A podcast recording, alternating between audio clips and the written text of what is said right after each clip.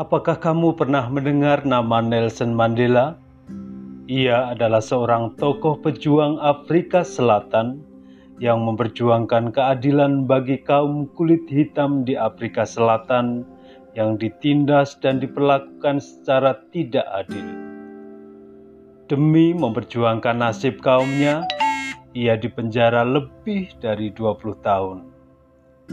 Setelah Nelson Mandela dibebaskan dan memenangkan pemilihan umum di Afrika Selatan sehingga terpilih sebagai presiden, orang pertama yang diundang untuk makan malam bersamanya adalah kepala penjara. Padahal dalam masa hukumannya, kepala penjara itu banyak merugikan dirinya Ketika para wartawan mengajukan pertanyaan kepadanya, "Mengapa Anda memberi prioritas kepada kepala penjara yang sering menyakiti Anda?" Maka jawab Mandela, "Kamu harus terlebih dahulu mengampuni seseorang yang berada di dekatmu dan paling banyak menyakitimu.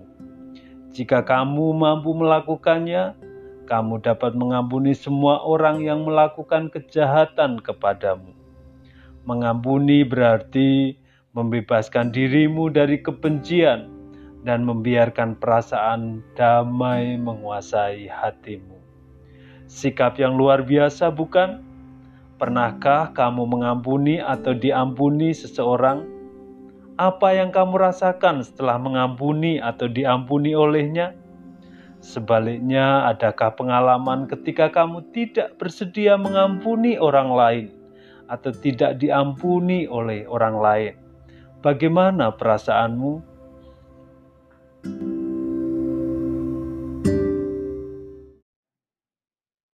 Tes satu dua dicoba satu.